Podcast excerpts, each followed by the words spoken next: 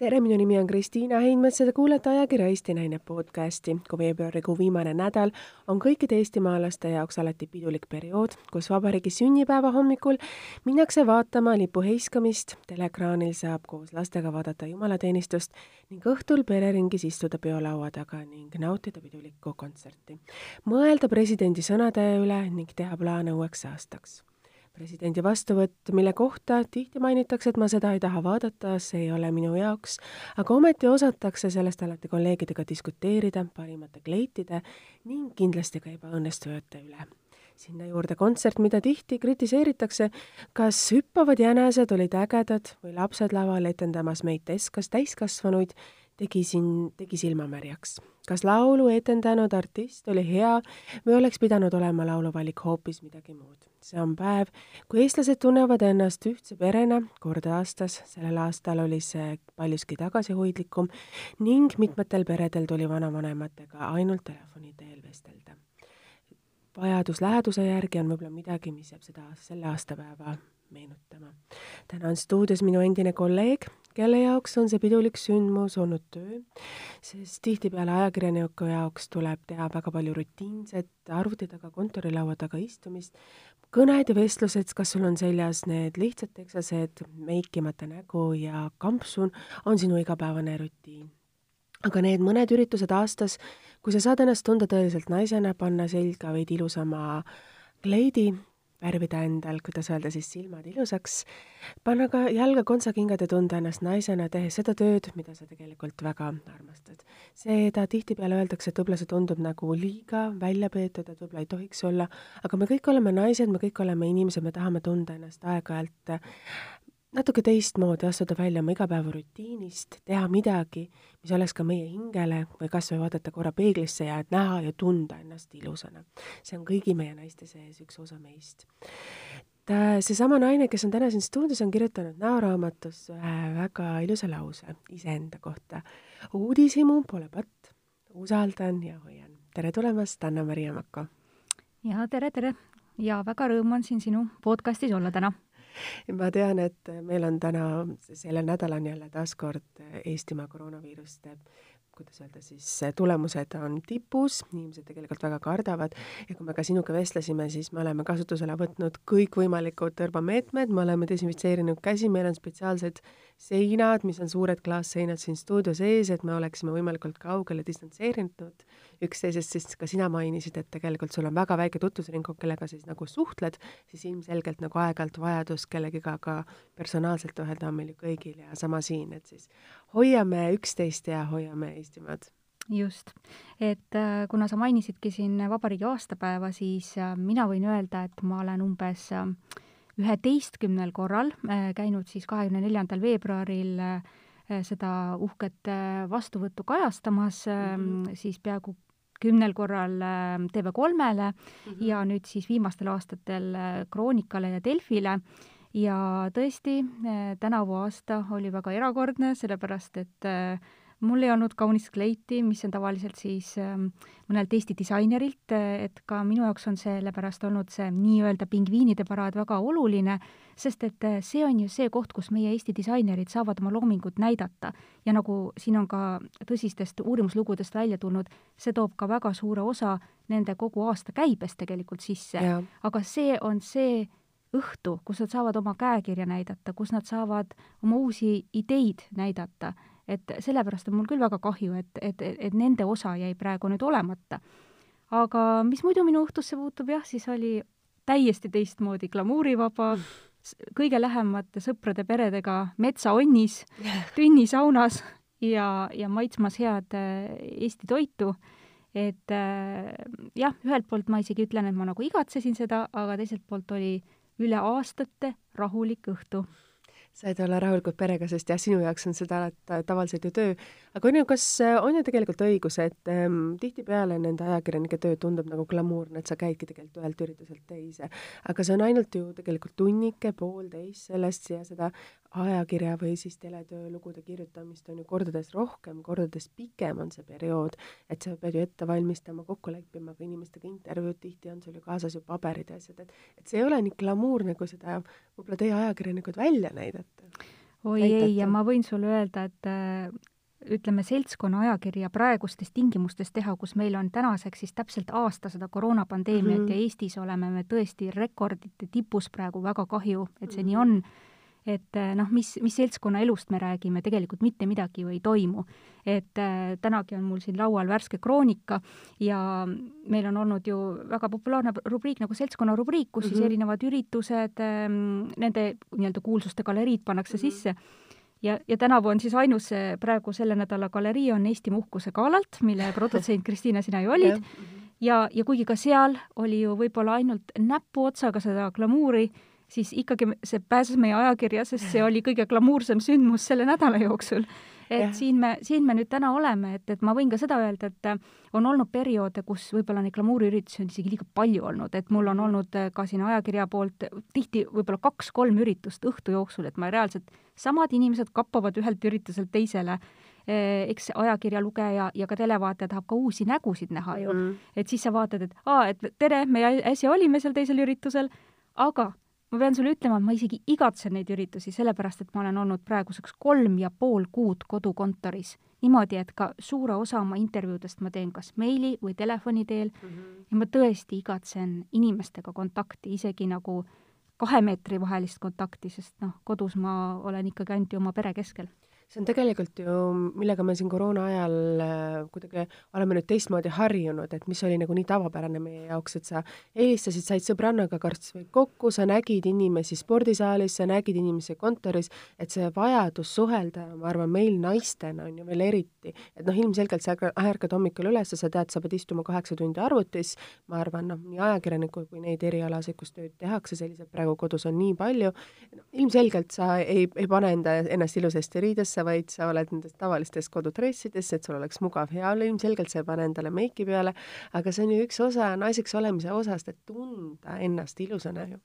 no sa näed mind, Kristiina, mina näen sind küll praegu, et sa oled endiselt väga ilus, aga mina olen küll väga kaugel igasugusest glamuurist, sest et mul on mask ees ja ma ei, ei meikinud ega midagi, et et mida ma küll olen endale lubanud, on see, et ma ikkagi olen korrapäraselt käinud juuksuris ja ka näohoolduses ja, ja maniküüris, et ma ennast selles mõttes käest ära ei lase Mhm. aga loomulikult ei hakka ma endale meiki, täismeiki kodus peale panema, mis esiteks äh, ju näole ei ole kõige parem. ja noh, et tõesti ei ole seda mõtet ja, ja kahjuks kõik minu imeilusad kleidid tolmuvad kapis, et ma isegi olen mõningaid juurde soetanud, aga siis ma mõtlen, et aga kui me praegu nüüd märtsis läheme jälle põhimõtteliselt lockdowni mm, -hmm. et mis, mis ma ostan neist, mi-, nad nagunii seisavad.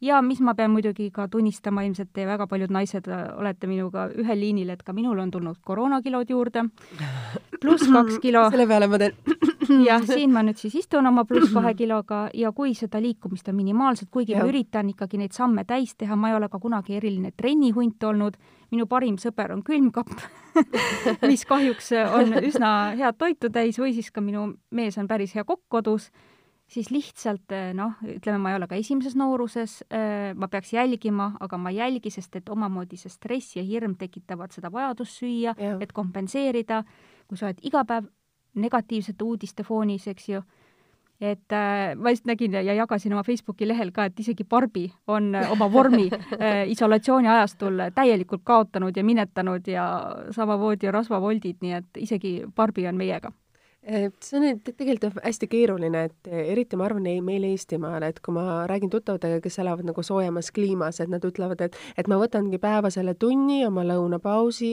ma lähen jalutan, aga noh, ilmselgelt kui me vaatame oma viimast Eestimaa libedamat nädalat, siis jalutamine tähendas nagu luumurdu või muid, et sa ei saagi seda teha. ja kui sa ole, eladki väikeses elamises, sul ei ole võimalust minna jalutama, ilmselgelt on ju noh, inimesi, kes kardavad ka minna klubidesse või ongi isoleerinud ennast sellest hirmust asjast, et noh, ilmselgelt seda liikumist on nagu vähe, mis on tegelikult ka meie eestlaste jaoks võib-olla selline väike suurem probleem kui paljudes võib-olla teistes riikides ja noh, ma arvan, et neid kilosid ei ole mitte ainult ei sinul ega minul siin tulnud juurde, vaid paljudel, nii talve selle külmaga, kus ilmselgelt sul energiavajadus on kordades ju suurem.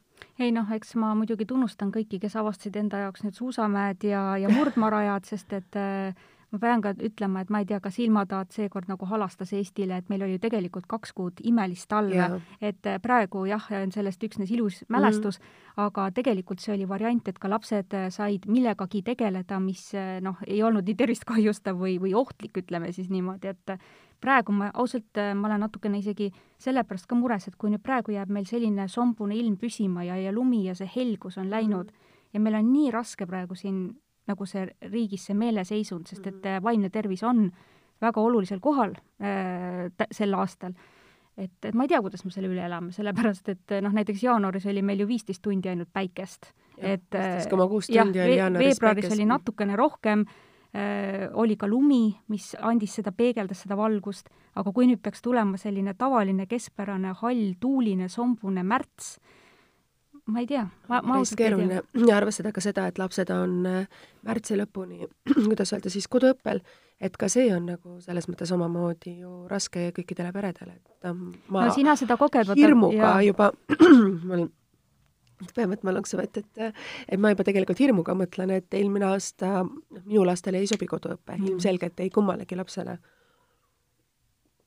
ja nüüd ma mõtlen hirmuga, et ma pean nüüd olema järgnemas, järgnemised kolm või neli nädalat nendega koduõppel, siis ma juba tean ette, et nende hinded lähevad alla, ma võin emana teha, mida nad tahavad, nad on poisid, nad jätavad, isegi kui nad asjad ära teevad, nad näitavad, et nad tegid, nad jätavad selle send nupu panemata koolis on reegel, sa ei saada ära, sul on järelikult tegemata, hiljem läheb hinne alla või ta unustab saata või noh, ilmselgelt on mul vanem poiss joonistamise vastu kodus, et ta peab joonistama, seda pildistama, et see on midagi, mida ta nagu ei taha teha, et see on tal nagu täiesti vastunäidustatud.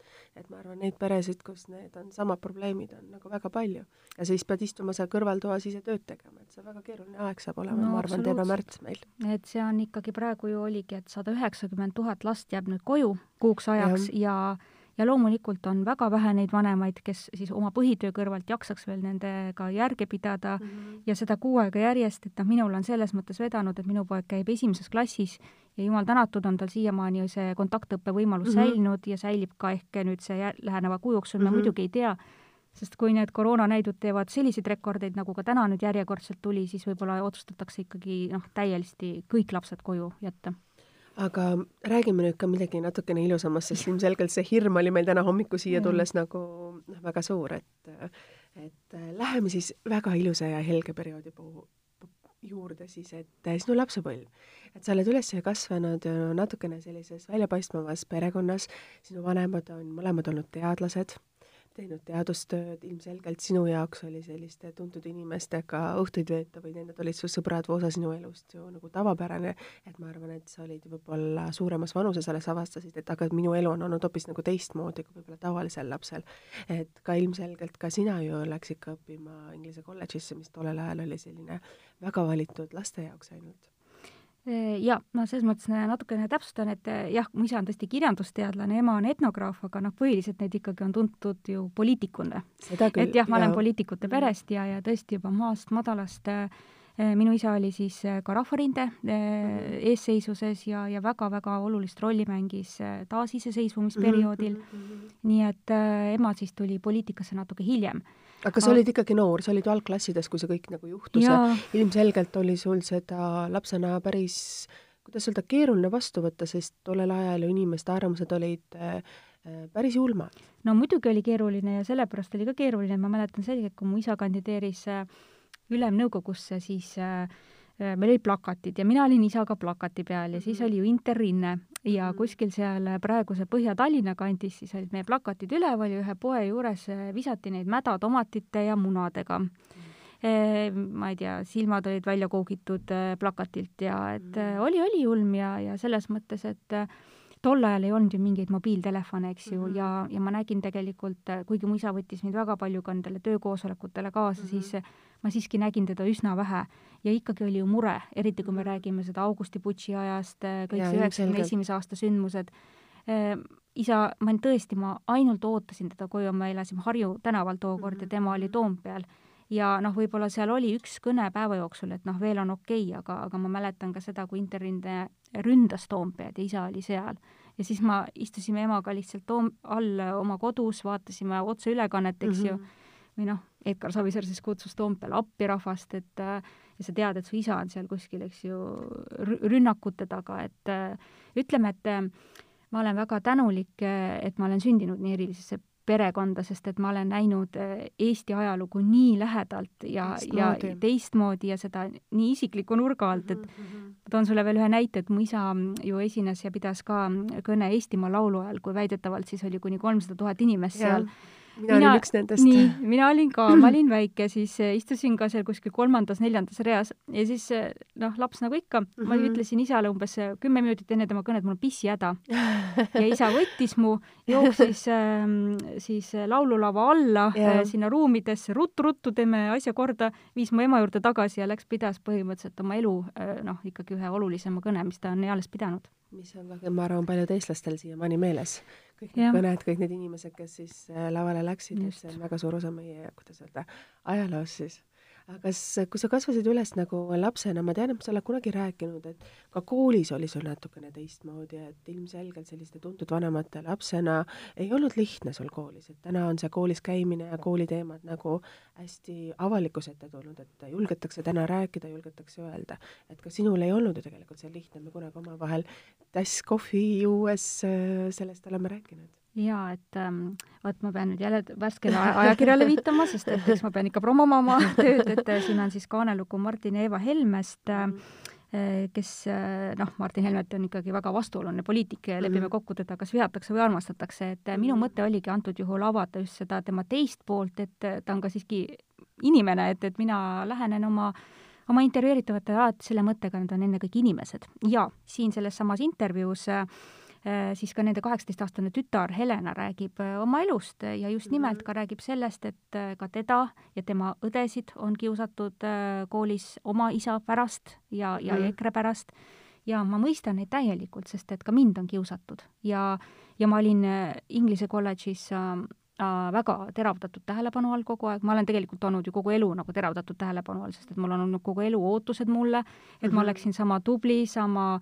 tark, sama, ma ei tea, kirjutaksin juba võib-olla romaane või, või, või noh, või miks ma juba poliitikas ei ole, eks ju, aga ma ei ole et äh, kas sa kas-, kas sa kasvasid üles selle pingega, kas see pinge tuli sul kodust, et sa tundsid, et su vanemate ootused on sinule nagu nii suured või? ei, no minu vanemad selles mõttes ei ole küll mind kunagi suunanud mm -hmm. või mhm. nõudnud, et minust peab nüüd kas äh, romaanikirjanik mm, -hmm. kirjandusteadlane või poliitik saama mm, -hmm. et mhm. ei, ei, et nemad on ikkagi vaadanud, mis mulle on algusest peale sobinud, et ma olen olnud kogu aeg selline julge, hakkaja, juba, juba siis kooli ajal ma etlesin ja tegelesin, ühesõnaga luuletuste võistlustel käisin mm, -hmm. nii et ju minus selline julgus, mis pärast oli väga oluline ka teles, teletöös, kõikide tuntud ja kuulsate inimestega rääkimine, see on nagu minu natuuris olnud ja ma olen selline esineja tüüp, et kui ma olen ikkagi kukeaastal sündinud veevalaja, siis no ma olen edev.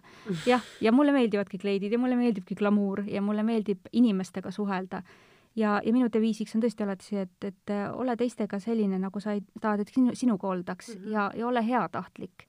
et mm -hmm. katsu isegi midagigi head leida, isegi kui võib-olla see inimene ei ole sulle kõige sümpaatsem, et äh, ole nagu avatud meelega ja noh, meie ajakirjanikena ei tohigi olla nagu ju subjektiivsed, et sa ei tohi lahterdada inimest kindla lahtrisse, vaid sa pead suutma teda näha, näha laia spektrina, et ilmselgelt need inimesed, kellest sa tihti kirjutad, nad on ka isad, neil on Just, ka lapsed täpselt. ja võib-olla see, et nende inimeste valikud on võib-olla väga osade inimeste jaoks väga olulised, teiste inimese jaoks täiesti vastuvõetamatud mm, -hmm. aga noh, sina lapsena pead ju kogu selle pingega ju elama, sest ilmselgelt on ka sinu klassikaaslaste seas täpselt samasugused lapsed, kes siis peegeldavad oma perekondade, kuidas öelda siis, arusaami, et sina yeah. oled ju seda kogenud, et kuidas see tollel ajal oli, et üheksakümnendate alguses ei olnud ju selliseid erinevaid programme, kus siis tegelikult neid lapsi kaitstakse, et et ma olen rääkinud ka mitmete poliitikutest tuttavatega, nad, nad on öelnud ka, et nende lapsed on on kogenud, aga koolid on olnud hästi tublid, kes on praegusel ajal, kus käivad lapsed ja, koolis no, on... ja nad tegelevad sellega, lapsed on nagu hoitud või seda nagu, kuidas öelda, see teravdatud tähelepanu olevad lapsed saavad ka kooli poolt toetust, aga noh, ilmselgelt aastal üheksakümnendate no, alguses seda ei olnud, et kuidas sa ise sellega hakkama said? No ütleme niimoodi, et äh, see minu äh, vanemate äh, nime pärast võib-olla siis kiusamine või see, see tuli võib-olla rohkem lõpuklassides mm, -hmm. et see tuli siis, kui ikkagi juba lapsed ise ka jagasid, et kes on Andre Rein Veidemann, eks ju mm, -hmm. või et äh, seda nüüd ei, ei saa öelda, et see oli nagu esimestel aastatel mm, -hmm. aga äh, võib-olla raske uskuda, aga ma olin ka kunagi hästi kõhna ja ma olin isegi ebanormaalselt kõhna, et ma olin, mul oli väga suur koolistress niimoodi, et põhimõtteliselt terve vot ma ei oleks seda varem rääkinud, aga terve keskkooli aja ma põhimõtteliselt iga hommik oksendasin, enne kui ma kooli läksin. et mul oli selline stress. aga millest see tuli, koolistress? hirm, lihtsalt, et äh, ma ei tea. hirm aga... ebaõnnestumise ees siis? jah, see ja, ja eks ka see kiusamine, sest see oli juba tookord ja, ja ma olin täiesti nagu, ma olin täiesti anorektiline ma olin täiesti no,. ilmselgelt selline harjumus. jah, ja siis ma läksin koju põhjustab. ja sõin ja kõik, aga hommikul ma ei suutnud, ma olin, mul oli kogu aeg iga hommik süda paen, kui ma koju, kooli läksin ja noh, kujutad ette niimoodi õppida ja, ja kuidagi midagi sooritada seal, eks ju. ja õppida ja, oli Eesti kõige, kuidas öelda, ma nõudlikumas koolis. nii, jah, just, ja siis oli see, et ähm, no mis mulle öeldi, mulle öeldi, et ma olen äh, maha lastud koera jalgadega tüdruk, noh, näiteks et, et mind mõni-, jaa, et mind, mind mõnitati minu, et ma olin kõhn. noh, me teame, et tänapäeval mõnitatakse ka ikkagi inimesi valdavalt, et neil on välimuse pärast. jah. et see on väga, kuidas öelda, ehmatav oli mul praegu ja. seda kuulda siin selliselt. ja see, ja see oli ilmselgelt sa eeldad, et sellistes koolides ei toimu selliseid asju? ei no eks ikka toimub ja, ja noh, mis me siin räägime, et äh, minu oma poeg, kui ta oli munitsipaallasteaias, ta oli ähm, nelja-aastane mm -hmm. ja tal löödi nina veriseks ja kui tal siis löödi see nina veriseks juba kolmandat korda mm, -hmm. siis ma võtsin ta ära sealt ja see kiusaja jäi edasi sinna. ja me vahetasime lasteaeda, noh, see ei olnud sellest tingitud, et kes ta, kelle ema ta või isa on, eks ju, vaid lihtsalt lastevaheline julmus, aga ma mõtlesin, et kui mu laps saab juba neljandas mm -hmm., nelja-aastasena lüüakse tal nina veriseks lasteaias, siis see ei ole okei okay. ja, ja, ja läksime siis aiakese lasteaeda, mis oli noh, tõesti nüüd vanalinna hariduskolleegiumi all ja, ja kus on võib-olla natukene rohkem valitud need lapsed, vähemasti see taustakontroll on olemas, seal on mhm. väga head õpetajad, pedagoogid ja mul oli oma last turvaline sinna saata -hmm. ja, ja noh, praegugi ta siis jätkab sellises koolis, kus ikkagi see kiusamisvastane programm on väga oluline et äh, ma vandusin endale, et mina ei taha mitte kunagi, et minu laps peaks seda taluma, mida mina talusin aastaid. ja loomulikult, ega see, ütleme, et see oli ikkagi selline äh, vaimne kius, noh, et äh, ju, ju mind ikka ka tõugati seal ja aga noh, ma olin ikkagi tüdruk, noh, ma ei, keegi mulle nagu näkku äh, ikkagi õnneks käega ei pannud. aga, aga seda vaimset kiusu ja ma ütleks ka, oli ka õpetajate poolt õpetajate poolt? jaa, jaa, jaa, et selles mõttes, et see ikkagi jah, mida vanemaks ma sain, mida vanemaks said minu klassivennad, klassiõed mõned mm., kes olid see... su klassikaaslased, ilmselt seitsmendas keskkoolis nii mõnigi täna tuntud inimene no väga paljud jaa, et äh, väga paljud neist on ka äh, väga kaugele jõudnud, tegelikult enamus on, nad on, nad ongi teadlased täna, nad on geeniteadlased äh,, ega ma siis ei ütle, et kõik olid sellised, seal olid äh, teatud mõned isikud, kes, kes seda harrastasid ja eks seal olid ka omad grupid, et äh, ja, ja meil on olnud nüüd mitu klassi kokkutulekut ja, ja ma olen väga hästi nende inimestega läbi saanud, kes toona mhm. mind mm. kiusasid et äh, noh. võib-olla see ei olnud ka tahtlik, et ma olen noh, ma ise lihtsalt tean seda, et äh, minu poeg on hästi intensiivne ja ta tihtipeale on võib-olla väga paljude jaoks äh, intensiivne ja kui temaga ei tulda kaasa selle tema intensiivsusega, siis tema reaktsioonid olid ka, ütleme, lapsena võib-olla natukene teistmoodi ja minu kui ema jaoks nagu ka vastuvõetamatud, aga mida sa pead tegema. et sa annad endast parima oma mhm. emana, sa teed koostööd nende kasvatajatega, sa käid ka psühholoogi vastuvõtul, loed meeletus koguses neid kirjandust ja sa mõtled, aga no mida ma siis teha saan saan, et sa iseenesest, kui sul ongi võib-olla natukene noh, teistmoodi laps täpselt samamoodi, kes on intensiivsem kui teised mm., et ka see on ju tegelikult äh, omamoodi keeruline ja raske ja no ja ilmselgelt ka need lapsed, ma arvan, kui nad olid selles situatsioonis asjas, nad ei mõelnud võib-olla halba, et üks nende sõna võib teha selliselt mm. halba ja ilmselgelt võib-olla ma olen päris kindel, et nende vanemad võib-olla ei pruukinud ka seda teada aga jah, et kui ma nüüd tagasi mm. mõtlen, siis noh, põhimõtteliselt eks ju kolm aastat äh, ikkagi täiesti sellist äh, stressi kogeda, mis tekitas mulle nii tugevaid äh, ka füüsilisi vaegusi, et -hmm. et aga kuidas no, sa sellega hakkama said, sest su ema oli ju ka mingil hetkel Moskvas ja. sellel perioodil ära, et sul ei olnud ka ei, sellel perioodil ei olnud, siis ma olin juba täiesti täiskasvanud ja mm, -hmm. ja mhm. töötasin Siseministeeriumis, aga no jällegi, eks ju, meil oli mhm. pronksiöö, mu ema oli samal ajal Moskva saatkonnas, mu ema reaalselt põgenes sealt, tõesti, talle korraldati niimoodi, et ta pääses koju ja mis noh, oli jällegi, et kuidas see kõik toimus, noh, see kohutav mure jälle ema pärast siis tookord, et et kuidagi ma olen sattunud nendesse Eesti äh, ajaloo pöördepunktidesse nagu väga, jaa, väga-väga isikliku kogemuse läbi, et et noh, tõesti, et kui siin on alati arvatud võib-olla ka, et mingil määral, et ah, ta on ju ka hõbelusikus suus äh, mhm. sündinud ja tal on ju kõik fine, eks ju, tuntud vanemad, Riigikogu mhm. pensionärid äh,, noh, ühesõnaga justkui kõik on lepase mhm. reega läinud, siis noh, nagu ka mina olen nüüd kas või siin Kroonikas töötades aru saanud ja sain ka juba TV3-s töötades aru, et nende Instagrami klantspiltide taga võib olla hoopis teine elu väga paljudel meie kuulsustel mm. -hmm. et, et seda ei saa ainult nii võtta, et näed, ta on ilus, glamuurne, kuulsad vanemad, eks ju, hea mm -hmm. töökoht, mis tal viga on. Väga palju asju võib äh, olla, mis ikkagi hinge ja, ja südamepiinu tekitavad kas see võib olla ka midagi see, et harjumus olla see tubli tüdruk, et me oleme ka Heiditiga sellest väga palju rääkinud, et et ähm, periood tegelikult, kui me üles kasvasime veel kaheksakümnendatel, olime veel väikesed, et siis meile ka ei räägitud, meid ei õpetatud rääkima oma tunnetes, ütleme, et mida sa päriselt tunned, et ütle välja seda, et noh, selliseid küsimusi ei esitatud ju tegelikult perekondades. ja võib-olla selline, no aeg oli selline mm, -hmm. sa ei saa midagi eitama vanemate et, et, ette nagu selles mõttes, et nii oli.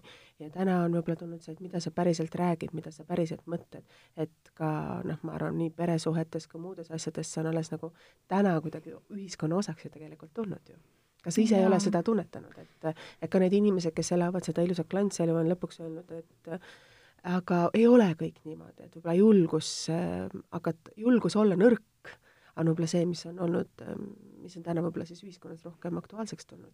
et Heidit on seda, kes on siis ajakirja Eesti Naine peatoimetaja, väga mitmeid kordi öelnud, et ka tema, tehes neid intervjuusid, on jõudnud sinnamaani, kus inimesed julgevad nagu tunnistada, et et ma ei ole see supertubli, kellest minust niimoodi kogu aeg presenteeritakse, et aga minul on omad nõrkused, oma asjad, nagu ka sina vaata praegu tegelikult ausalt ja siiralt üles tunnistab, mis on minu jaoks natuke ületavalt äh, noh, nagu üllatav minu jaoks, et ma ei oska sellele kohe siin intervjuud juhtides nagu reageerida no ma arvan, et podcast ongi see, kus siis südant puistatakse, aga tegelikult, Kristiina, sa ise oled täpselt samasugune, et äh, ka sina üks hetk mõned aastad tagasi tunnistasid oma nõrkushetke oma eraelus. jaa, kindlasti. ja sa, ja siis, kui oli teie lahutuse uudis, äh, sa ei varjanud ju seda, et sa, sa ütlesid, et kahjuks nii kaugele ongi asjad läinud.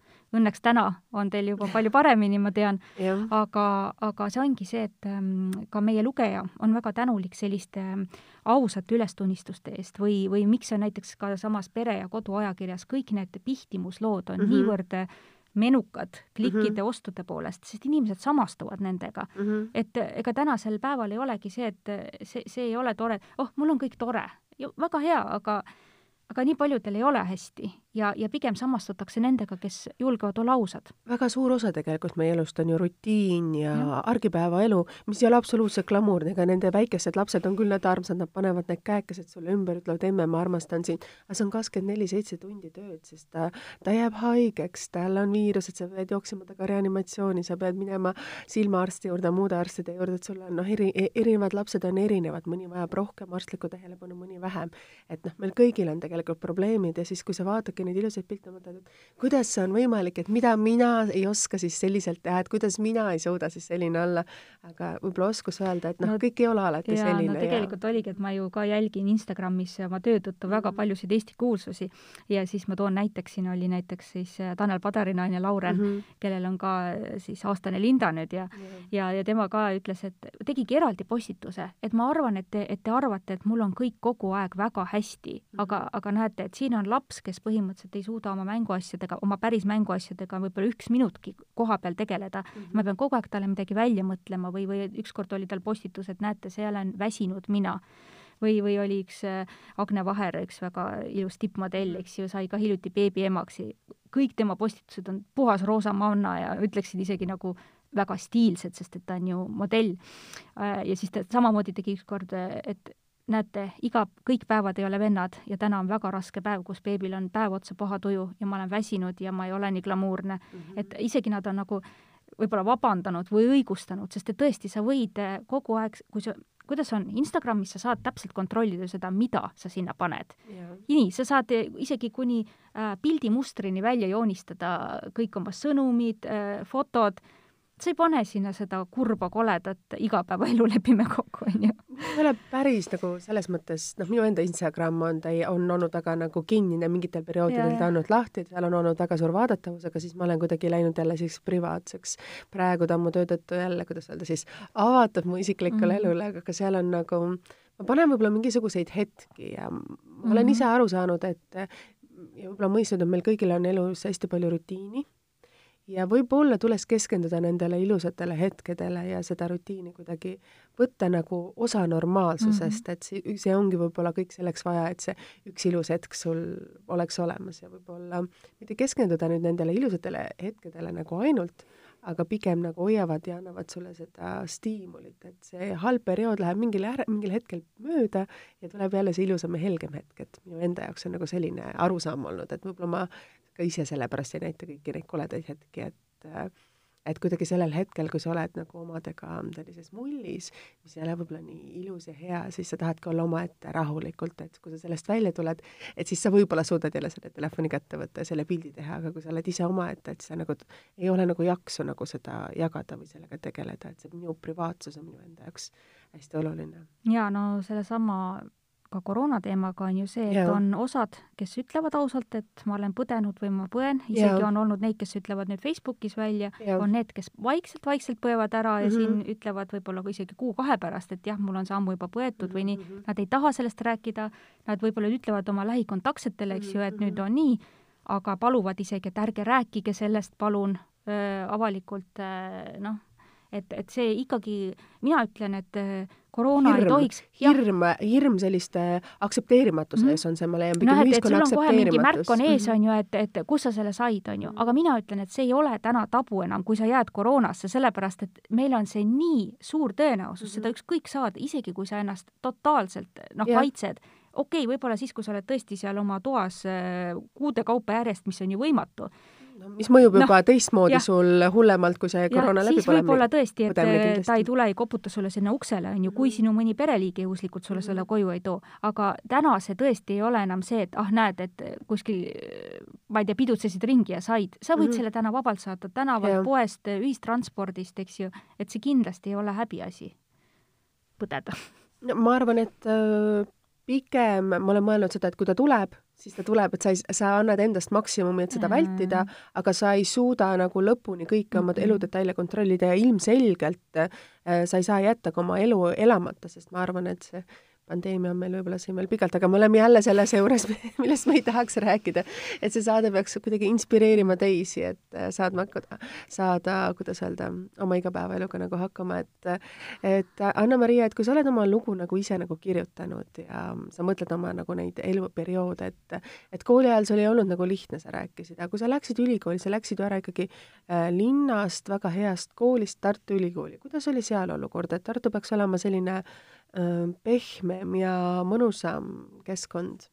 või oli sul pigem mm. linnatüdrukuna Harju tänaval kasvades ikkagi sellise glamuuri sees oli üks osa su elust ju, peod ja vastuvõtud, Harju tänaval muidugi glamuuri ei olnud, siis oli ikka alles ju kaheksakümnendad, et selles mõttes jah ei, kuule aga ikkagi siis... kesklinnas, kus sul on ikkagi puhtad no, tänavad, sul on ümber ikkagi noh, välja peetud inimesed, et sa ei ole kuskil maas lihtsalt, maa lihtsast perest, sa ei satu Tartusse, vaid Tartu on pigem sinu jaoks selline noh, nagu teistmoodi vaata, minul oli niimoodi, et äh, mu isa oli samal ajal Tartus äh, dotsent.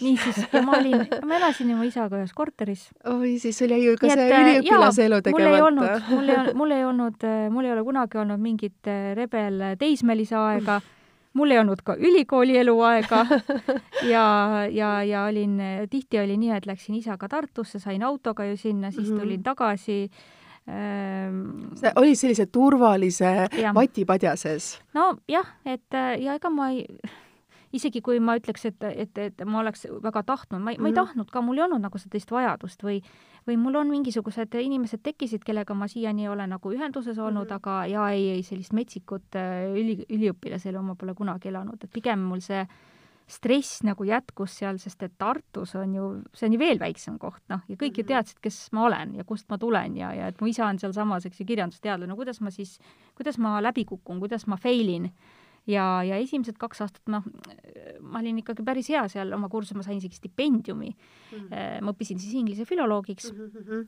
ja, ja miks ma läksin inglise filoloogiks õppima, oli see, et kui ma lõpetasin inglise kolledži, siis ma tundsin, et äh, ma ei osanud inglise keelt piisavalt hästi.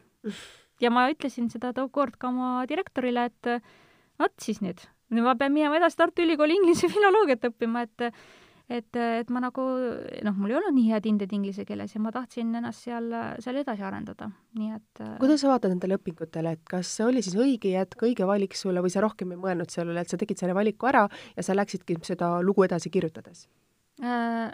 Nojah, selles mõttes, et see oli see, et kuhu ma sisse saan, et ega mu reaalained pole kunagi tugevad olnud, et see, see pidi olema humanitaaraine. Ja, ja mis siis nüüd see murdepunkt minu jaoks oli tegelikult see, et poolest poolest ajast siis ma võtsin juurde suhtekorralduse mm. -hmm. ja vot sealt ma hakkasin siis iseennast nagu tunnetama ja, ja ära arenema tundma. nagu ise just, inimesena ja, arenema mm. -hmm. ja, ja siis äh, ma olen olnud ka äh, täiesti selline reaametnik ministeeriumides, aga ma olen olnud äh, just nimelt kommunikatsiooni peal, pressiinimene mm -hmm.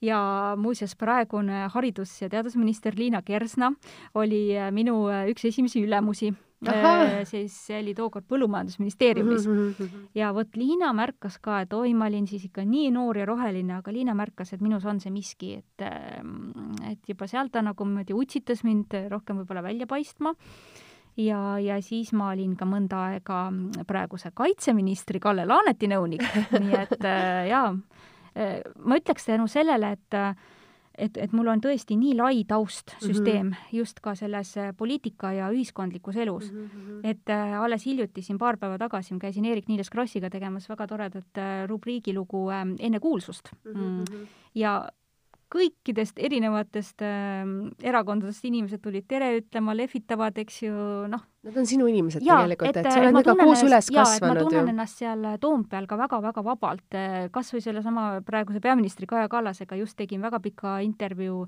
teel Soome, kui ta läks oma esimesele välisvisiidile mm. -hmm. jällegi äh, absoluutselt mul on nende kõigi vastu lugupidamine, aga mul ei ole selles mõttes hirmu või kartust, sest et ma suhtlen nendega nagu normaalselt ja nad saavad, nad teavad, et nad saavad mind usaldada. ja tihti nad siis usaldavad ka mulle asju, mis noh, mis on väga uudisväärtuslikud mis ei jõua võib-olla alati kõik ajakirja kante vahele, sest kõik võtavad... alati ei jõua ja äh, ongi täpselt nii, et äh, meil oli ka Kaja Kallasega seal just äh, Soome laeval hetk, kus me rääkisime täiesti eraviisilist juttu ja see oli selle minu töö väline pool ja see, ja see jutt, mis siis me rääkisime kaamera ees, see, see läks siis Delfisse üles, et täpselt nii ongi aga tegelikult on ka sul endal olnud ju väga keerulisi perioode, et ma tean, et TV3 ajal sa olid nagu lapseauto, ma mäletan, et see raseduse periood ei olnud sulle väga lihtne, agagi su erialane töö ja reporteritöö nõudis seda väga suurt käimist, et ma mäletan, et sul oli, noh, sa tundsid lihtsalt, kõigil on rasedus väga erinev, et ma lihtsalt mäletan, et sa tundsid ennast kohutavalt väsinuna, aga noh, need päevad on seal kaheteisttunnised sul ei ole võimalik seda, vabandust, vähemalt kümmet või viiteist minutit võtta, et puh-, puhata ju tegelikult.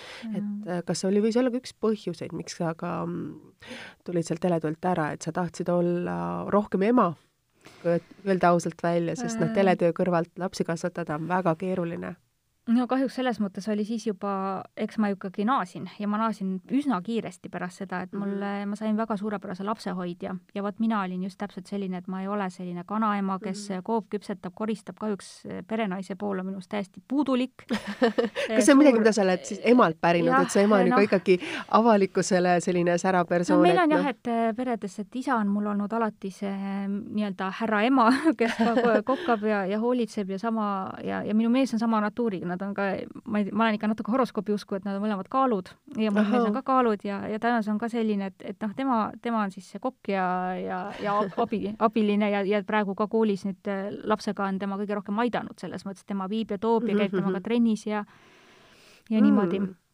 et äh, aga jah, ma tulin tagasi ja siis äh, ei no mulle ikka meeldib teletöö, ega ma ei, see on minu vana arm, Kristiina, et ega see, see ei lähe kui, ära. kui sul on see suhe või see abielu olnud üksteist aastat, et eh, jah, mul on, mul on loomulikult väga tore ka Kroonikas ja, ja ma ütlen, et teatud mõttes see, see on sama töö, mida ma teen. Ja ka siin Delfis on mul ju olnud väljund eh, teha lugusid, saateid ka niimoodi, aga kui ma selle mikrofoni kätte saan, siis ma, mul tuleb teine elu lihtsalt sisse ja, ja, ja no muidugi need nii-öelda glamuurireportaažid olid, oli see minu äh, leivanumber, et just hiljuti sõitsin taksoga ja mul oli mask ees ja siis üks mees tundis mu ära, ütles, et mhm. aa, teie olete see Taive kolmest, et siis te pole nii ammu neid glamuurireportaaže teinud, et küll teil olid toredad lokid ja, ja küll te olite ilus ja küll teil olid ilusad kleidid ja te olete ju nagu see Eesti Oprah, et miks te seal nüüd TV3-st ära tulite? Aga tegelikult sellised hetked, kus tavaline lihtne inimene ütleb sulle midagi ilusat ja head, et see annab nii palju ju. ja see, see tegi mu päeva, et tõesti, et ma, mul olid veel juuksed sirgendatud, et mul ei olnud üldse tavapärast niisugust lokilamba soengut ja, ja, ja mul oli mask ees ja ta tundis mu, mu hääle ära. ja noh, ma ei ole ju ekraanil olnud tegelikult varsti juba kaks ja pool aastat mm. -hmm. et seda süda, südantsoojendav see oli, et ma olen kellelegi ikkagi nii kustumatu mulje jätnud ma arvan, et see on ka meil kõigil on vajalik, et sa teed tööd, mida sa armastad ja kui seda märgatakse, sulle öeldakse hea sõna, siis see on kõige suurem tunnustus ju. ja minu äh, deviisiks äh, on olnud kogu aeg see, et äh, ma olen selles mõttes väga emotsiooni inimene mm. -hmm. ja ma tõesti teen oma tööd kirega ja kui needsamad intervjueeritavad mind kõnetavad ja kui ma elan nendele heas mõttes kaasa, siis ma tean, et mul tuleb ka hea lugu et äh, ma pigem olengi nüüd katsunud valida või võtta neid inimesi, kes mind veel kuidagi erutavad selles mõttes, eks ju, sest olles teinud intervjuusid praktiliselt kõikide Eesti kuulsustega ja väga paljudega neist mitu korda, no on raske panna mind niimoodi kuidagi veel värisema või värelema. Aga kui ma saan sellise loo, siis, äh, siis ma arvan, et see, see tuleb ka mul välja, sest ma tõesti panen sinna oma, oma hinge ja oma südame ja, ja muidugi ma tahan, et see on, on ka huvitav lugemine, sest loomulikult me elame eh, online-meedia ajastul, me elame klikkide, ostude maailmas mm, -hmm. sa tead, et teles on reitingud, eh, Delfis ja ajakirjas on klikid. ostud ja klikid. kui sa ei kliki, siis on ja me, ja me teame ka siis ei ole jätkusuutlikkust. ja me teame ka, millised inimesed nii-öelda klikivad ja millised mm -hmm. kahjuks ei kliki mm, -hmm. et me peame ka sellelt koha pealt oma valikuid tegema, kuigi tihtipeale need võib-olla, kes ei kliki, on väga-väga huvitavad ja, ja mhm. suurepärased inimesed, et, et see natukene julm muidugi, on ju mm. -hmm aga, aga ma olen nende aastatega ka selles mõttes, selles maailmas orienteeruma hakanud. kui keeruline või raske on sul endal nagu nende, neid lugusid kirjutada, sa tead, et sa pead tegema loo, mis kogub klikke, sest see toob sulle leiva lauale, sest see on sinu töö, sest muidu sulle öeldakse sorry, Anna-Maria, aitäh, oled väga tubli, väga kena nägemist. ja samas olen ju su, su enda see pool, et kui sa mõtled oma taustale, et kui raske ja keeruline sul on olnud ja kui üks, kuidas ainult üks sõna võib nii palju tekitada sulle stressi, et sa ei saa kogu keskkooli ja praktiliselt ülikooli, ülikooli aja sellest üle, et sul on alles nüüd, ma arvan, aastaid hiljem oled sellest kõik üle saanud ja vaatad ja julged sellest rääkida ja räägid, et kuidas sa nagu ise leiad tasakaalu selles? Ja see on sul väga hea küsimus, et äh, jällegi me tuleme siia juurde, et kas äh, kroonika ajakirjanik on ainult glamuuri ajakirjanik, siis ei see on väga äh, raske töö, see, ma ütleksin, et kroonikuid on Eestis väga vähe, kes on nii tublid olnud, et nad on sellel tööl püsinud, eks meil on ka erinevaid inimesi ju käinud, meil on olnud äh, nii-öelda kaadrivoolavus äh, väga sest, suur olnud jaa, sest et mm -hmm. inimesed lihtsalt, nad ei pea vastu ja, ja või siis nad ei saavuta neid kontakte, sest et siin ongi just oluline see sinu suhtlusring, et see oleks võimalikult mitmekesine ja võimalikult lai. aga iga nädal on see teema, et hundid söönud, lambad terved ja see on see, mida mina olen järginud. ma lubasin, kui ma tulen kroonikasse, kuigi kroonika on ka oma ajas väga palju muutunud, et kunagi oli veri, higi, seks, pisarad, eks ju, aga see ei müü enam ja. kuskil maailmas no, ju tegelikult, et niimoodi, maailm on nii muutunud. kui on ikkagi väga hea skandaali või maffiabossi poja lugu, siis ikka müüb küll, lepime kokku. aga kindlasti, äh, mina leppisin, tegin endaga kokkuleppe, ütlesin seda ka oma ülemusele Ingrid Weidenbergile, et mina ei tule karmavõlga koguma ja ma ei astu oma põhimõtete vastu kui keegi on mulle oma loo usaldanud, on see raskest haigusest, lahutusest või millest iganes, siis kuni viimase komakohani see inimene, sellel inimesel on õigus näha, millisena see lugu hakkab ajakirjas välja nägema mm. -hmm. ja ma arvan, et ka tänu sellele on minule öeldud suhteliselt vähe ei-sid sa tead ise ka, kui, et ikkagi öeldakse ei-sid, on ju, kes ei saa väga suur kes... osa, ma arvan, väga suur Nii.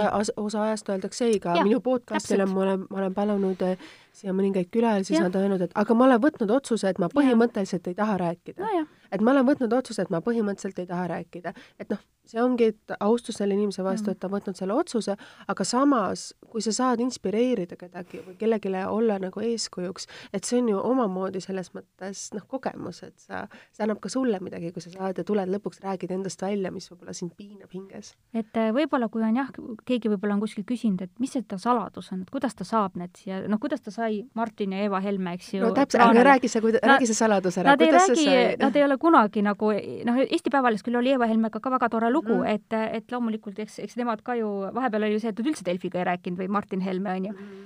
aga see ongi usaldus, et, et see on see usaldus, mida ma ise olen enda isikuga aastate jooksul kasvatanud ja mis minu kohta ringleb, et ta on hea ja usaldusväärne ja sõbralik ajakirjanik. nii, ja, ja ega see ei ole ainult roosamanna jutt, mis siin äh, täna ka loos on, äh, on ka nende elust pikantseid, selliseid äh, raskeid hetki, aga nad on usaldanud selle mulle. Ja, ja vot selle eest ma olengi kõigile oma intervjueeritujatele tänulik ja, ja ma loodan, et, et saatus mulle veel veeretab neid huvitavaid lugusid ette, sest see paneb minu silma särama ja, ja ma loodan, et ka siis meie lugejate silma, et, et see on, ma olen peaaegu viisteist aastat olnud nüüd ajakirjanduses mm -hmm. juba ja tõesti, kunagi ma alustasingi Kroonikast, siis läks mu kormavõlg kolme kuuga täis. ma panin ise lahkumisavalduse lauale. Ajad olid hoopis teised muidugi, siis, siis oli Kroonika see, kus sa said tänapäeva Instagrami ja Facebooki uudised ka kätte, eks ju. Yeah.. Mm -hmm. sellel ajaperioodil ma rikkusin ära ühe lähisuhte enda jaoks ühe, ühe väga olulise inimesega, kellega ma tänapäevani ei saa hästi enam läbi. Ja see oli selle tõttu, kus ma töötasin ja seepärast ma olin ekstra ettevaatlik ja, ja mõtlesin oma käigu läbi, aga enne kui sa tagasi just, läksid, jah? -hmm. aga ma nägin ka seda, et Kroonika oli juba selleks ajaks muutunud mm. -hmm. et, et, et noh, ta ei ole enam nagu see Kõik kollane, just täpselt, et ta, siin on väga elulisi lugusid, eelmine aasta oli ju Uno Loobi äh, siis hooldekodusaaga, noh, tähendab, Kroonika käibki, on oma aja nägu, et kui meil ei ole praegu glamuuri, kui meil on mured, meil on stress, meil on koroona, meil on pinged, töökaotused, pankrotid, siis sellest kirjutab ka Kroonika, et meie, me ei ela mingis paralleelmaailmas, et meil on iga lust ja lillepidu, vaid meie kirjutame ikka sellest, mis, mis on meie ümber. kui sa kirjutad neid lugusid ja asju, siis kui palju sa tahad tuua nagu mm, kuidas öelda seda päris inimest sinna loosse, et kui keeruline või raske ta on, sest ikkagi Kroonika on ju kollane ja selles mõttes tassi ikkagi võib-olla suhtutakse teatava ettevaatusega ja sina ka selle loo kirjutajana, sa tegelikult ei saa ju kõiki detaile kontrollida, sest sinna lugudesse võidakse juurde panna detaile või asju, mida otsustab keegi toimetus või sinu ülemus teha, mida sina lihtsalt ei saa võib-olla lõpudetailini kontrollida, et sa kirjutad oma loo ära ja kui sinna lisatakse veel mingisuguseid detaile asju, siis sina seda ju enam ei kontrolli tegelikult ju. no ähm ma saan öelda, et trükiajakirjas ma saan küll kontrollida ikka, et, et võib-olla siin kaanelaused muidugi otsustab tegevtoimetaja, peatoimetaja, loomulikult on see mm. stiilisi toimetamisi ja niimoodi, aga, aga mul on küll see kokkulepe, et mis nagu ajakirjas paberil ilmub, on küll see, mida siis need intervjueeritavad on ise viimasena näinud see, milliseid refereeringuid nendest veebis tehakse, eks ju, mis on äh, ka väga suur oluline ol osa -hmm. ja nagu sa tead, siis veebis müüvad hoopis teised pealkirjad kui ajakirjas. seda kindlasti. et seal ma tõesti olen andnud natukene nagu vabad käed, küll aga on meil see tingimus, et kui inimesed soovivad, siis me paneme kommentaarid kinni ja valdavalt on need ka kinni olnud -hmm. ükskõik millistel äh, juhtudel, on see siis tore, muidugi kurva sündmuse puhul eriti mm, -hmm. nii et äh, see andmekaitse, isikukaitse, allikakaitse on meil ikkagi kordades kasvanud, et, et me ei tee, me ei taha, et mingi Delfi vabandust, aga debiil siis, eks ju, noh, neid, ka neid on veel jätkuvalt, äh, tuleb ja sõimab kedagi, kes on lapseootel, eks ju, sest talle ei meeldi ta. või noh, eriti kui on mingid beebi sünniuudised, et milles on see beebi süüdi, et tema ema või isa hakatakse mõnitama ilusa äh, lapseootuse või, või sünniuudise juures, noh, see, see on ajuvaba ja ma olen ise näinud neid. aga see on ju keeruline sul endal ka, et äh, et kui sa teed neid lugusid, et kui palju sa mõtled selle negatiivsuse peale, mis võib selle looga kaasneda? ei no muidugi ma mõtlen ja, ja, ja ma, ma veel kord kordan, et äh, ma saan aru, et ma peaksin, et vot ma olengi selline hästi, et ma võtangi kõike hästi südamesse ja ma võtan ka oma tööd kohati liiga mm -hmm. südamesse, et ma peaksin suutma äh, noh, rohkem äh, distantseeruda, et aga, aga no ma elan kõigile kaasa lihtsalt ja, ja, ja, ja ma tõesti ei taha halba, et et noh. sa räägid, et sa pead distantseeruma, kui sa lähed koju, kui palju see töö tuleb sulle koju kaasa? ei no mu kodus ongi praegu ju töö, sest et töö, meil on kodutöö. jah, kodutöö nagu seda küll, aga selles mõttes kodu kaasa nagu oma suhtesse, et et kui sa teed, kirjutad kodus praegu, et ähm, suhtes abikaasa ja nagu lähedastega, et kui palju sa nagu seda sinna tood või kui palju see on nagu osa sinust, et noh, kui sa lähed, sa ütled, et sa ei suuda, et sa lähed nii sisse tihtipeale nendesse lugudesse? no eks aegade jooksul võib-olla isegi TV3 ajal oli see asi intensiivsem, et noh, praegu ma olen ikkagi valdavalt kirjutav ajakirjanik ja minu mees on kohtujurist ja teda absoluutselt ei huvita teda absoluutselt minu töö ei huvita selles mõttes, et mis, kes järgmine kuulsus või ta, selles mõttes ei ole see, et ma olen kodus ja nüüd räägin seal oma intervjuusid või ta, ta isegi ei küsi nende kohta, et see on ju hea mõnes mõttes. et ma olen täiesti omas mullis ja, ja kusjuures ma ei tea, kas mu vanematelgi üldse praegu kroonika käib, nii et näed, ma olen ikka täiesti omas mullis, et kedagi, keegi väga ei küsi, et nii et sa oled oma perekonnast nagu täiesti teist, teistmoodi siis äh, välja tulnud täiesti, täiesti teises valdkonnas, et noh, vanemad sul ikkagi on nagu sellised teadja inimesed rohkem. ei nojah, aga see ongi see, et kunagi Teet Malmsroos, äh, siis väga tunnustatud Õhtulehe fotograaf mm, -hmm. ütles, et Anna-Maria, sina oledki elav Eesti kuulsuste entsüklopeedia ja no tõesti, see ei ole normaalne, et kui ma olen vanasti vaadanud ka vabariigi aastapäeva mhm. vastuvõtte mm, -hmm. ma võiksin sinna minna samamoodi nii-öelda otseülekannet kommenteerima, sest vähe sellest, et ma tean neid, kellega nad nii-öelda kaaslased praegu on, ma tean ka nende ajalugu, ma tean nende lapsi, no see ei ole normaalne. lapsepõlvi ja, asju. et, et, et, et see minu äh, mul on idee.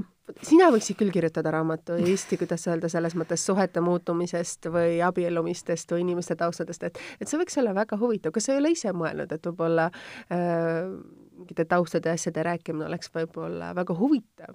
Et see on see, kuhu võib-olla väga ei jõuta, noh, kas või minu... see, mida sina täna praegu siin räägid, et minu... vähesed teavad seda, sind nähakse ikka nende ilusates kleitides ja, ja. kaunite piltide pealt minu isik kahjuks väga ei kliki, seda ma tean, aga, aga, aga selles mõttes, et äh, ma olen küll mõelnud, et minu ema võiks kirjutada raamatu, sest et mu ema oli ju naispoliitik mm -hmm. sellisel ajal, kus see naispoliitikuks olemine ei olnud veel väga levinud ja neil on ju tänaselgi päeval raske mm, -hmm. aga mina nägin, kui raske tal tegelikult oli. tollel ajal. et, et noh, ja, ja ma arvan küll, et Eh, siin tänapäeval on ju väga populaarne neid elulugude kirjutamine, et minu ema-isa abielust eh, ja üldse nende kooselust, elukäigust eh, saaks väga huvitava loo väga uhkete ajalooliste piltidega.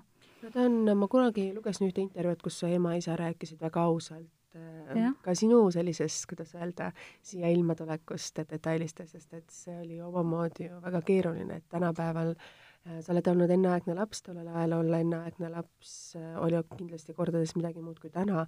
täna on see väga palju tavapärasus juba, et aga need rasedused on keerulisemad, võib-olla saadakse ravi tulemusel alles, jäädakse rasedaks ja neid vastsündinuid on ju kordades rohkem ja sina oled tegelikult üks nendest, et sa oled ka öelnud, et sinu varajane lapsepõlv oli väga keeruline olnud ja raske. jah, et äh, no õnneks ma ju ei mäleta sellest midagi, aga mm -hmm aga tõsi ta on, et ma olen äh, üks kaksikutest ja mina olin siis see nõrgem kaksik ja me sündisime peaaegu kolm kuud äh, varem ja, ja tema kahjuks ei jäänud ellu. tänapäeva meditsiinis oleks ta ilmselt jäänud mm. -hmm. minu emale põhimõtteliselt öeldi siis, et ah, te olete noor, küll te sünnitate veel. Aga mina, ma olin väga raskelt haige ja beebina, nii et mul on väga raske operatsioon tehtud ja, ja tegelikult see oli üsna suur ime, et mu isalt tehti otse vereülekandeid mulle ja et ma, esimene aasta läks põhimõtteliselt ainult haiglas, et äh, et sina küll sellest ei mäleta, aga sul on ema kindlasti sellest rääkinud. mu emal on muidugi siiamaani ka... väga sügav trauma, loomulikult, et, et vähe sellest, eks ju, et sa ühe lapse kaotad, sa teise eest veel võitled ja, ja sulle öeldakse, et see on ju see nõrgem veel et, et Pole teine... hullu, et sa oled kohe varsti uued. nojah, et no, tollel ajal oli nii lihtsalt. et ma jah, et miks mu nimi on Anna-Maria, et tegelikult ongi, et algul pidi olema Anna ja Maria ja nüüd ma olen oma, oma õest ka siin väljas, et sellepärast ma olengi võib-olla, ma olen ka niisugune hästi organiseerija, hästi intensiivne eh, suhtluses ja ka, ja, ja noh, ma, ma tõesti, ma olen selline korraldaja tädi, et ma tahan kogu aeg teha ja ma muretsen kõikide teiste ülesannete pärast, et mulle Ingrid vahepeal ütleb ka, et sa oled meil ase, asepeatoimetaja, sellepärast et ma hoolin ka oma, oma kolleegide asjadest ja siis ma ikka soovitan ja siis ma mõtlen nende eest ja noh, loomulikult nad on kõik väga oskajad inimesed, nad teavad ise, mis nad teevad, et ei ole vaja, et keegi nende tööd kuidagi jälgib, on ju. Mhm. aga see on mu loomuses ja see oli TV3-s nii ja noh, ma olen hästi suur meeskonnamängija. Äh, minu jaoks oli väga oluline, et seitsmest uudiste reiting oli hea, et minu lood äh, klikkisid, et minu lood olid vaadatavad, mul on olnud väga oluline, et minu lood on Kroonikas klikitud, ostetud, et Kroonikal ajakirjal läheb hästi, ükskõik, kelle lugu siis seal esikaanel on. muretsemine, mina ütleksin, ma nimetaks seda, sa pidevalt muretsed ja, ja sa võib-olla muretsed isegi natukene liiga ja. palju, et äh, võib-olla rahulikumalt võib-olla see koroonaaeg ongi sulle hea, et sa saad nagu rahulikumalt ei, tegelikult võtta. see ei ole hea, sellepärast et ma muretsen ju koroonapandeemia pärast ka, ma muretsen kogu eelmine kevad, kusjuures mm, -hmm. nüüd mul on, nüüd me räägime, et meil on koroonakilod juurde tulnud mm. -hmm. eelmine kevad, kui see kõik algas ja me tegelikult ju ei teadnud veel, mis mm -hmm. asjaga on tegemist yeah., mis on see suremusnäit ja nii edasi. ma võtsin neli kilo alla, sest et äh, ma, ma kogesin täpselt sedasama, mis tookord seal koolis, eks ju, et mhm. ma mul oli selline Hirmu. stress, ma ärkasin hommikul üles ja ma noh, mis seal oli, kuuskümmend inimest tuli päevas juurde, täna tuli tuhat kakssada, eks ju aga, aga see mõõtmatu hirm oli see ja vot selles mõttes küll, et ma elan oma, oma hingega seda kogu aeg ja südames läbi ma, ma ei oska kuidagi jälle enam siit nagu ma, seda juhtlõnga nagu edasi võtta, et me oleme rääkinud nii palju keerulistel teemadel tegelikult praegu, et ma võib-olla siin saade hakkab meil varsti lõppema, et võtaks ühe sellise väga helge teema, millega ma olen sinust nagu ka rääkinud ja neid ilusaid pilte näinud ja ma tean, et sul on olnud selline eriline paik siin Eestimaal, kus sa alati tahad olla, on Hiiumaa. jaa et mis sind seob Hiiumaaga, sest äh, juba mitmes inimene, kes täna on siin stuudios, ma tean, et Hiiumaa on millegipärast talle südamelähedane ja minu vana-vanaema, kelle järgi on minu tütar nime saanud mm, -hmm. Amalia, oli sealt pärit, nii et tema tuli siis, oli Hii-, Hiiu tüt-, noor tüdruk mhm. Hiiumaalt, kes siis abiellus siis Saaremaale. et selles mm -hmm. mõttes mul on ka omamoodi siis kontakt selle Hiiumaaga, aga miks Hiiumaa? No eh, sellepärast, et minu äh, mehe vanemad elavad seal, ämm ja ei. ja minu ähm, siis ämma, ämma juured ongi Hiiumaal, nii et äh, neil on Kärdlas äh, sellisel tänaval, Metsa tänaval on maja, mis olekski nagu metsa sees, aga samas täiesti Kärdla südalinnas, nii et jah, kui me nüüd räägime siin sellest pingest ja närvipingest, siis eelmine suvi oli tõesti ideaalne, et me olime peaaegu poolteist kuud järjest seal, et noh, me ei saanud ju ka kuhugi reisima minna niimoodi. Ja see oli nagu paradiis, et äh, ilm oli suurepärane, seal on rannad, seal on äh, vesi äh,, sain ka oma kirjatööd loomulikult sealt nii-öelda ära tehtud, eks ju, kaugelt teha, lapsel oli samal ajal vaheaeg, puhkus. mm, -hmm mu mees õnneks saab ka kaugtööd teha. Mm, -hmm. me olime hoitud, samas tõesti ma nautisin, et see, see päike, meri, tuul, nagu öeldakse mm, -hmm. meil olid jalgrattad, sõitsime palju jalgratastega, vot siis jah, võib-olla või issand, jah, aasta tagasi umbes, kolmveerand aastat tagasi ma viimati tõesti puhkasin, sest ma olin sealt kodukeskkonnast väljas mm -hmm. ja tegelikult on see väga oluline yeah., et äh, kuigi täna öeldakse see, et ära mine kuhugi oma kodust, aga kui mm -hmm. see kodu on sinu ainus keskkond olnud juba võib-olla aasta, eks ju mm, -hmm. no andke andeks, see hakkab ajudele, see lihtsalt hakkab, et, et noh, ühelt poolt ma ka mõistan nende inimeste seda päikesereiside vajadust, kuigi ka nendele ju näidatakse praegu näpuga, et miks te sinna ronite, kui öeldakse, et ärge minge aga lihtsalt kuskil tuleb mõõt ette ja eriti, kui sul on väiksed lapsed, kes kellel on koolivaheaeg või mis iganes, no aga mis sa teed nendega? mis sa, mis sa päeva, siis nad istuvad sul päeva otsa, eks ju, arvutis, rikuvad silmi äh,, chat ivad äh, ja sa, sa oled jõuetu seal kõrval, sest sa ei jõua ju neile midagi alternatiive pakkuda. sa pead tööd tegema. Sest Või sa pead sul..., sest sa pead tööd tegema ja sa ei pakugi, sest et äh, tänapäeva noored, ka juba väga väikesed lapsed on ikkagi juba ütleme noh, nutimaailma sõltlased. see, see, see elu on nii kirev neile seal, et äh, seda pinget pakkuda, kui sa ei saa ka oma sõpradega kokku, on väga raske, kahjuks jah, see niimoodi on. aga Hiiumaa, ma tean, et sa veedad seal iga aasta nagu need asjad, aga mis on see Hiiumaa, mis sind paelub seal, et sul on see, nüüd nagu tuli lisaväärtus sul abikaasaga koos kaasa, et sa saad nagu sellises imeilusas paigas olla. et mis võib-olla need mõtted või need asjad, mis sul Hiiumaal alati olles on? no Hiiumaal on rahu et see, nad öelda, ütle, öeldaksegi, et, et saartel käib kuidagi see aeg natuke teistmoodi, et, et ma võiks öelda, et, et Hiiumaal on tõesti selline äh, kohati ma lähen sinna ja see ämma ja majja, et, et seal nagu aeg jääbki seisma, et, et ongi rahulik, et ma ei tea, sa võid seal lõputult nii palju magada, kui sa tahad, sa võid seal seal saab väga head süüa. Hiiumaal on ka suurepärased toidud ja muidugi ja kõik need looduslikud kalad, kui on seal lestahooaeg, eks ju, ma ei tea, angerjad, kõik koduaias küpsetatud, siis kasvatatud juurviljad, ehm, suitsukalad, suitsulammas, ta keele viib alla, et, et siis sa lihtsalt oled ja kulged. aga, aga kui sa oled siin linna keskel, kõige selle negatiivse fooni keskel ja loed need uudised jah, sinna juurde, siis ehm, noh, siis see väsitabki ja, ja ma täiesti saan aru, et meil kõigil on koroonaväsimus ja, ja sellepärast vaata ka, et me oleme siin tund aega üritanud äh, leida mingeid positiivseid, ilusaid asju ja me jõuame ikka ringiga Koroona. ei, nagu negatiivse või selles mõttes nagu sellise natuke kurbuse juurde, et noh, praegu ei ole see aeg, kus olla selline väga õnnelik või noh, tahaks ju, aga, aga seda, seda õnne on väga raske leida ma näen, et sinus on hästi palju seda hirmu meie praeguse ühiskonna praegu nagu selle pealt, et jälle võib-olla see Anna-Maria liik, liigne muretsemine, liigne tublidus ja liiga soov olla liiga hea kodanik ja liiga hästi teha oma neid asju, et võib-olla natukene on seda. ei no muidugi, mind on kogu aeg kutsutud koroonapaanikeriks, aga, aga mina ütlen, et ma ei, kas ma just pessimist olen, aga ma olen realist ja, ja siiani küll need mis ma omas peas olen mõelnud, et, et me oleme hiljaks kas nende piirangutega jäänud või et noh, et need Mhm. tõusevad ja tõusevad ja need ongi tõusnud, noh, kahjuks me ei saa täna rääkida, et mina kujutasin ette, et täna on tuhat kakssada, vaid täna ongi tuhat kakssada nakatunut päevas ja see on reaalsus. Et ei ole midagi teha siin nagu selles mõttes, et eks tulebki hakkama saada ja tegelikult ju podcast'id on ka üks võimalus maailmaga suhelda. et sul on, ma ise ju hakkasin samamoodi neid tarbima eelmine aasta, et, et lihtsalt vajadus rääkida või kuulata, kuidas inimesed räägivad midagi teistmoodi, mis sulle läheb kaotsi selles kodus olemisega, et see on üks võimalus. ja oluline on see, et mida ma nüüd lõpuks tahaks ka öelda, et ärge olge, et ei ole üksi.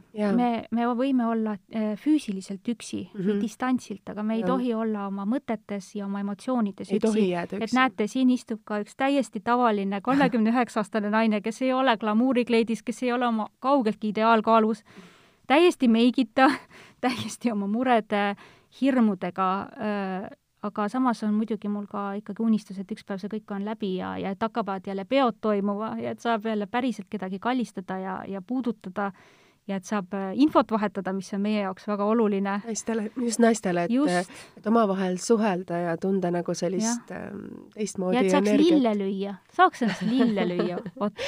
aga lõpetame siis selle podcast'i täna selle lausega, et, et ootame seda aega tagasi, et saaks lille lüüa, ootame seda suve, et äh, rahu oleks meil südames, et me saaksime kõik nautida seda Eestimaa ilusat suve, loodame, et sellel aastal ta tuleb jälle ilus. et kuigi me ei saaks võib-olla reisida olenevatel erinevatel põhjustel, siis meil oleks oodata, meil on loodetavasti seda päikest ja me suudame selle kohe järgneva märtsi, mis ma loodan, see toob ka meile rohkem nüüd päikest ja võib-olla linnulaulu ja vetevulinat ja sellist esimesi selliseid lillekesi asju ka, et ei saa olema see nii kurbades me meeleoludes, nagu väga suur osa võib-olla meie saade siin on, on täna siis olnud.